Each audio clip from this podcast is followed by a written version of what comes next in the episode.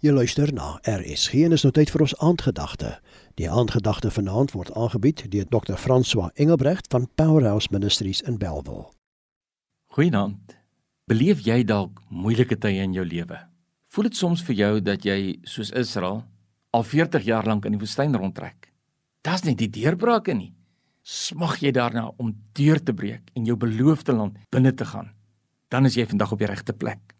Hier in Deuteronomium 8 vers 2 en 3 kom verduidelik die Here vir ons hoekom hy soms woestyntye toelaat in ons lewens.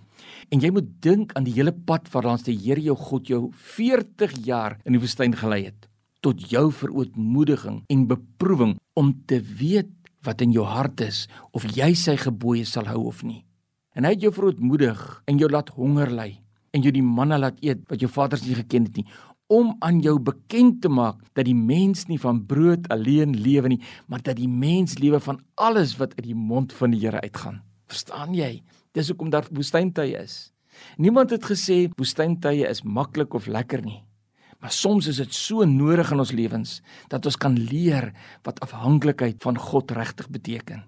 In die woestyn is daar geen manier waarop ons self kan oorleef nie. Elke dag se kos en water is 'n wonderwerk uit God se hande. In die woestyn leer ons God ken as die enigste God wat wonderwerke doen.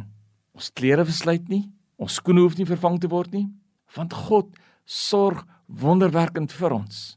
En in Deuteronomium 8 vers 3 sê die Here dat hy veral woestyntye gebruik om ons as sy kinders te leer dat ons nie net van brood alleen kan leef nie.